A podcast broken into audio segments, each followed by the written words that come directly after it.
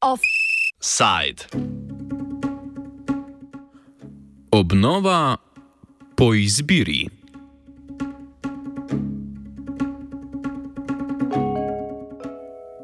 Sredi predvolilne zaposlenosti s kmečkimi protesti in pomočjo Ukrajini je Evropski parlament pred iztekom mandata uspel potrditi uredbo o obnovi narave.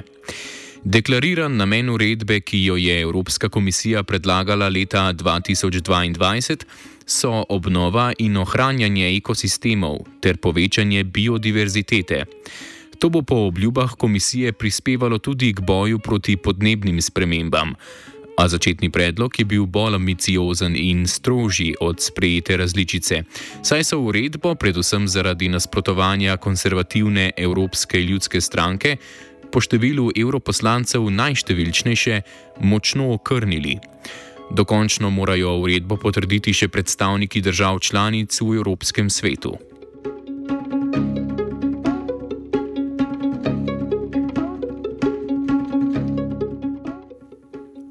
Uredba predvideva, da bi morale države članice do leta 2030 zagotoviti obnovo vsaj 30 odstotkov kopenskih in vodnih ekosistemov, ki po opredelitvi samih držav članic niso v dobrem stanju.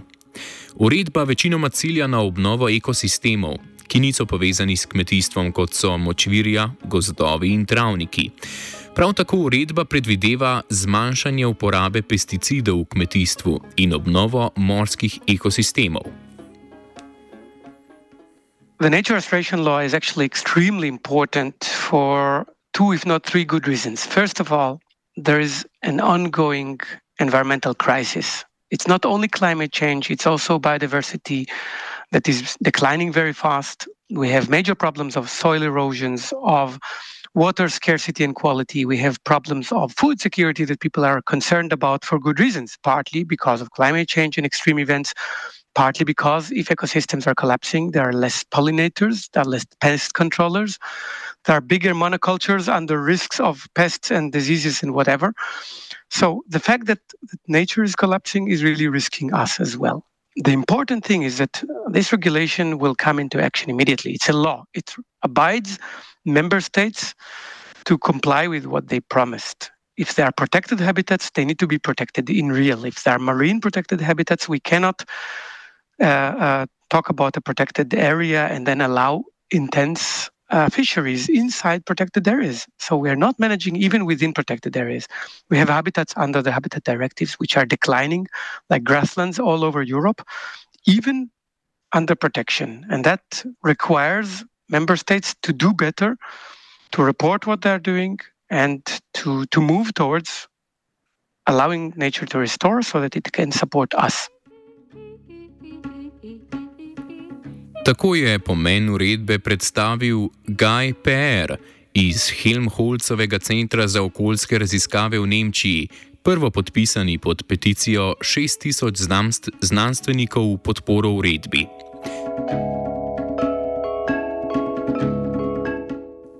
Nasprotniki uredbe v Evropskem parlamentu na čelu z Evropsko ljudsko stranko o uredbi trdijo predvsem, da ogroža prehransko varnost. Pred njenim sprejetjem so z ločenim glasovanjem skušali doseči popolno zrušenje uredbe, a zato niso zbrali večine. So pa pri sprejeti različici dosegli omilitve. Predvsem je do omilitve prišlo pri obveznosti izpolnjevanja določb 9. člena uredbe. Tako, do, tako bodo kmetje lahko prostovoljno odločali o izpolnitvi okoljskih zahtev. Podrobneje PR.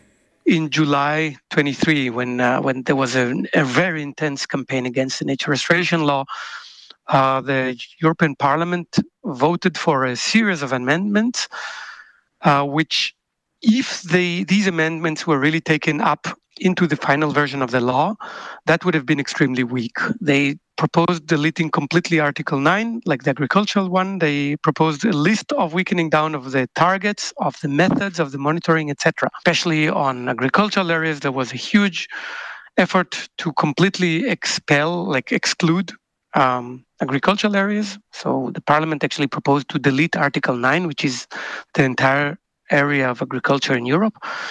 Um, there was a lot of pressure also to reduce um, the monitoring and reporting that will be done.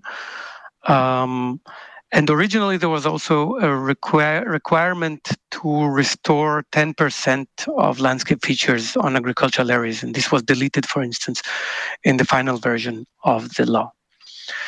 And luckily, in the so called trilogue negotiations, which are the negotiations between the parliament and the council, these are the representatives of the ministries, as well as the commission they brought back some of the elements that um, that were in the original proposal, and they found some solutions um, in the middle of the way between the parliament, which was very weak, and the original commission proposal, which is very strong.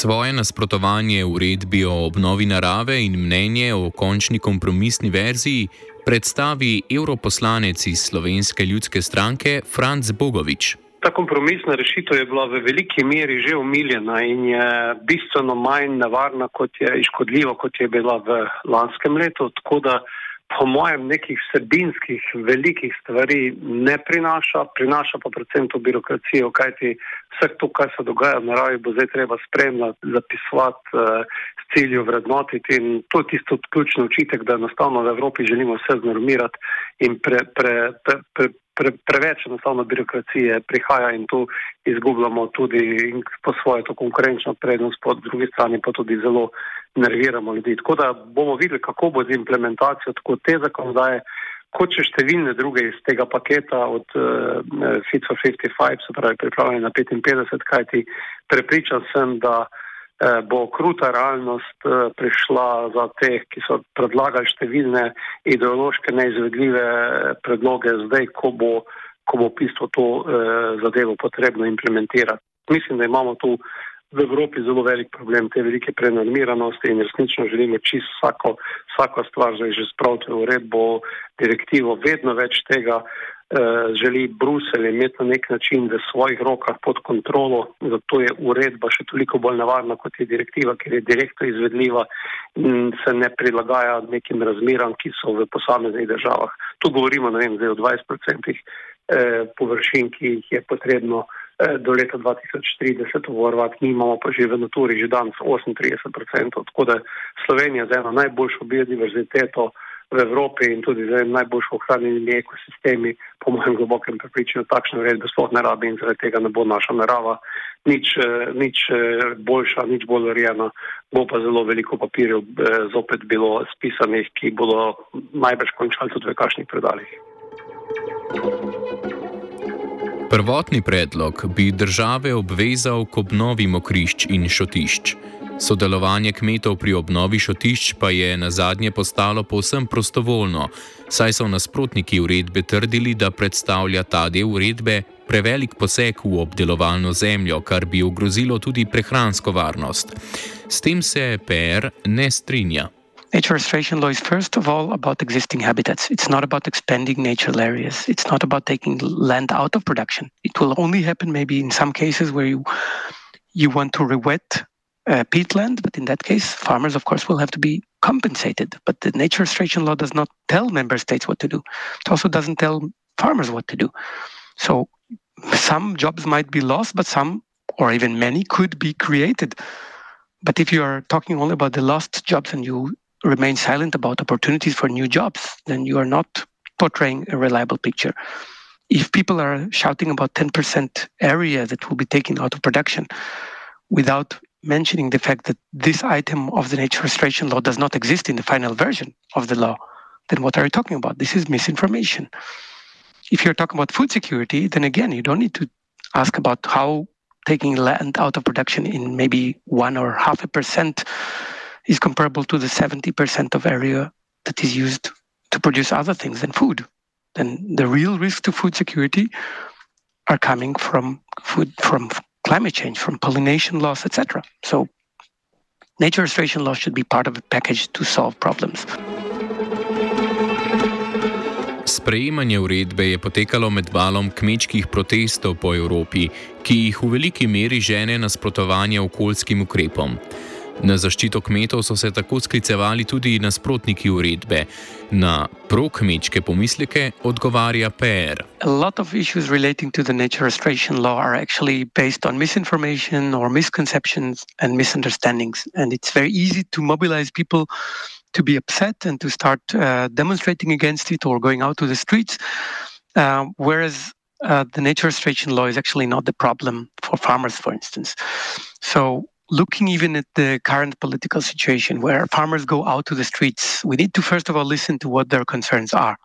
They're talking about problems of employment. And indeed, the number of farmers is declining everywhere in the world, including in Europe. Um, they're complaining for issues relating to prices. So when they pay or when they're getting paid, they don't get enough for what they're producing. Um, but these problems relate to the lack of policies on other arena. So first of all, we do have the common agricultural policy. So if income and employment are declining, then the place to address them is in the common agricultural policy, where one and a half percent of, of farmers are receiving 32% of direct payments. 20% of farmers are taking up 80% of the money. So if we want to rectify a failing policy, then the CAP will be the first place to look at, not the nature restoration law because nature restoration law is not necessarily going to take jobs away from farmers. It is going to affect some farmers, but voluntarily. And in this sense, it is making complete sense that if farmers want to invest in nature or ask to invest in nature, then they need to be compensated or paid to do that, either through common agricultural policy or through another fund that member states will have to fund. Prvotni predlog je predvideval tudi okrog polovično zmanjšanje uporabe pesticidov, v končni verziji pa ni strogega cilja, tudi ker bi po prepričanju nasprotnikov to zmanjšalo količino pridelka. Da to ne drži, saj bi se pesticide umikalo skupaj z drugimi ukrepi, trdi Irina Hercon, profesorica agroekonomije na Helsinški univerzi in skupaj z Gajem Perom so avtorica članka o znanstvenosti argumentov proti uredbi. There was another open letter signed by uh, many, I don't remember how many, but hundreds of scientists who work explicitly with this particular subject. And they brought also to the table evidence that it's not as uh, clear cut because uh, all the research and calculations models uh, show that you can, or we can, within the European Union, cut drastically uh, agrochemicals without compromising yields. And it doesn't have to happen only on agricultural land. We can also do it in urban spaces, as, a, as just for example, and then all, also through implementation of different uh, integrated pest management techniques. Uh, um, etc., or improving crop rotations and so forth. So the, the claim that it will inevitably lead to crop losses just doesn't hold.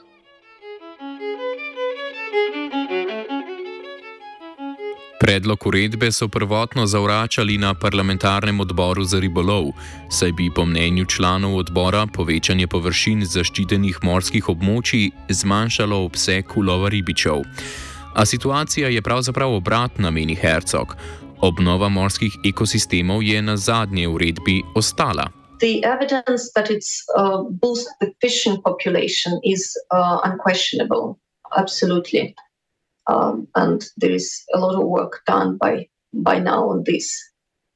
And so, if fish populations also rebound, and then there are spillover effects on the areas the fishing is allowed, then it can also support fisheries. And certainly, again, it depends how what is the time horizon that we are talking about. Is it short term um, benefit and cost, or is it a long term uh, viability of both fisher, popu- fish populations and fisheries? Ključne spremembe uredbe so v odlaganju rokov za doseganje ciljev obnove narave v daljno prihodnost, konkretno v leto 2050. Poleg tega se uredbo, so se v uredbo uvrstili določbo, ponovimo, Poleg tega so v uredbo uvrstili določbo, ki omogoča začasno zamrznitev izvajanja ukrepov v primeru ogroženosti evropske prehranske varnosti. Podrobneje o možnosti zavrnitve, zamrznitve, določil uredbe PR. Luckily, through the negotiations, this addition to the law is not as bad as the original version, which basically proposed that uh, the entire legislation is suspended. In this case, we're only talking about suspension in agricultural area, meaning suspension of Article 9, and only for one year. And it's a case by case situation, meaning every member state would have to apply for doing that. So it's not necessarily going to be implemented EU wide. Now, from the political spirit that we are seeing, it's obvious that member states will use this opportunity to try to suspend the nature restoration law. And they may try to replicate this exercise again and again. But the interesting thing is when you look at the details of what is actually written there, from a scientific perspective, this is really based on misinformation because the circumstances which are described in Article 22 can virtually never happen because we are producing too much. We are using 70% of arable area to feed cars, pigs, chickens, etc. So we are using this area for feed and fuel. It's not that we are using so much area in Europe for actually feeding people. So the claim that under extreme situations there's a risk to food security, I would like to see member states actually managing to prove that any such circumstances could occur. They could occur under climate change with mega uh, droughts or mega climatic events that affect agriculture. But in that case, what we want to invest in is exactly nature restoration. So, in fact, the nature restoration law is the instrument to reduce the risks to food security, to reduce the risk for farmers. Veliko velikih besed, a bolj malo čivkanja in kvakanja. Torej.